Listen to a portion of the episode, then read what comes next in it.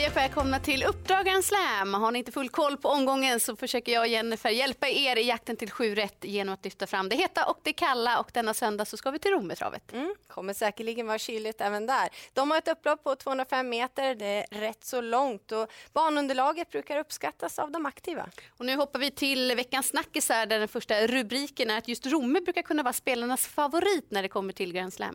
Ja, men det plussas mycket på eh, Rometravet och det är ju för att det brukar vara rätt så bra utdelning. På Grand Slam 75 så är ju Romesnittet drygt 52 000 jämfört med rikssnittet på 32 000 lite drygt. Och så har vi dessutom väldigt roliga propositioner denna söndag.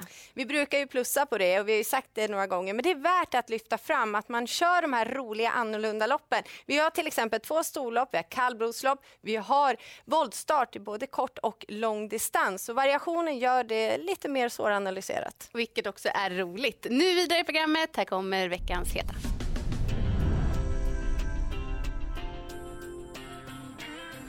Den andra avdelningen handlar om ett storlopp över kortdistans och voltstart. Och då är det ganska viktigt att hitta ledaren. Nummer ett, Panna Cotta Doc, har visat fin startsamhet tidigare då hon spetsat just från spår 1 i voltstart. Jag tror att det är hon som sitter i ledningen och då är hon också hästen att slå. Hon blev ivrig och backen senast. Då blev det galopp från spår 1 bakom bilen. Men visat fin utveckling tidigare då hennes eh, två segrar i karriären har tagits på de fem senaste starterna. Och går vi till den femte avdelningen vill jag prata om nummer 6, Kite Runner som Fredrik B Larsson har fått fin ordning på. Han är ju fortsatt inte helt stabil men jag tycker det har sett bättre ut i de senaste starterna och han visade verkligen fin form senast som trea bakom talangen Relevant Stride. Dessutom är han ju van tufft motstånd, oftast tävlas just på Solvalla så jag tycker att han felfri räcker väldigt långt i det här loppet. Och den sjätte avdelningen vill jag prata om 10 Kate River som fick backa sist senast från spår bakom bilen. Loppet var i princip över. Jag tycker ändå hon gjorde det bra som femma. Och gången innan då satt hon fast med gott om sparade krafter över just kortdistans. Eh, hon går ner lite i klass och jag inne på att det blir, det låter i alla fall som att det blir hård körning i det här loppet och det gynnar ju min vinnare. Då går vi till avslutningen så vill jag prata om nummer åtta Bang Boomerang som tycker jag har visat väldigt fin form, inte varit sämre än trea i de senaste starterna efter en träningsperiod. Han har ju ett trist läge med bricka 8 bakom bilen men gynnas av att loppet inte är fullt. Jag tycker att några av motståndarna borde välja innerspår sen han borde inte hamna allt för långt bak och dessutom har han ju visat att han är ganska så allround. Han är vass på speed men han tål ju samtidigt att göra mycket jobb på egen hand så det här tycker jag är ett roligt bud i avslutningen. Då är vi framme vid veckans profil som har flera fina chanser. Ja, och nu ska ni få lyssna till Matti Nisonen.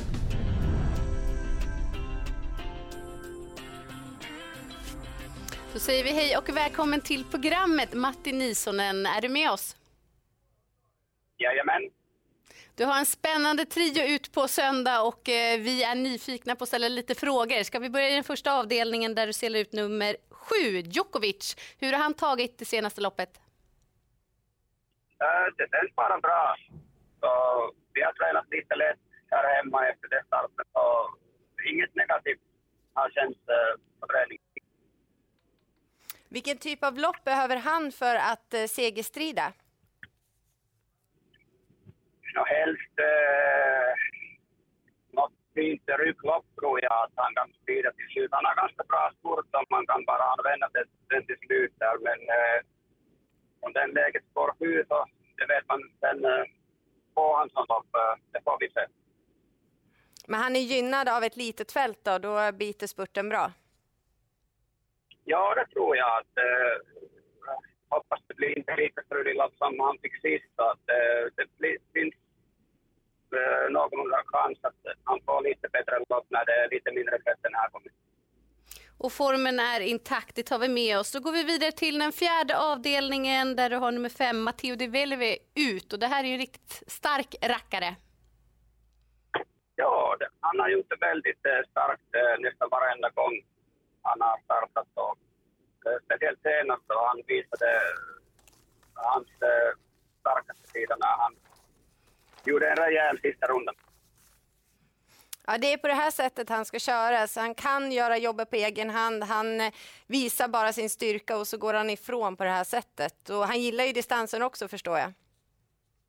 Ja, det, han är bara, det är bara bättre om det är lite längre distans. Och, eh, som du sa också, han, han är väldigt stark och uh, om han bara får bestämma lite själv uh, där framme så då är han ganska.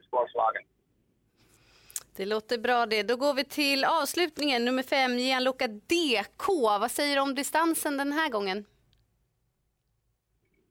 Uh, ja, såklart det är ganska jämnt, jämna fält där, men uh, han Luka har ganska bra dagsform just nu. Han har gjort uh, många fina lopp nu på slutet.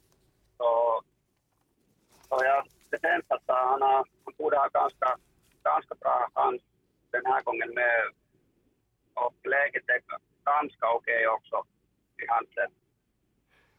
Ja, han vann ju näst senast, men senast, eh, det blev ju lite tufft att komma till ledningen, men han orkade inte hela vägen. Skulle du ändå säga att det är riktig toppform för hans del? Ja, jag skulle säga att det finns fortfarande.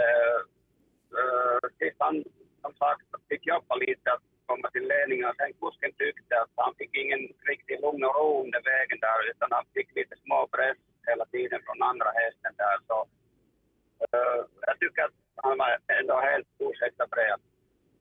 Mm. Gör du någon eh, förändring på eh, din trio? Nej, inte just nu som det känns. Det låter ju bra på alla tre, men om du ska lyfta en av dina chanser, vem vill du lyfta då? jag tror ändå mest på Matteo de Velu. Fast eh, väldigt bra hästarna mot också där framme så det blir en spännande uppgift. Vi tackar så mycket för informationen och lycka till. Tack så mycket.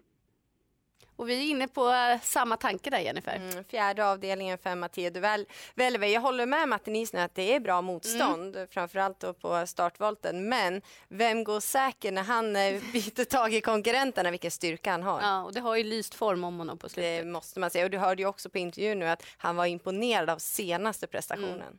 Ja, det är viktigt. Då går vi vidare i programmet. Här kommer eh, veckans Kalla.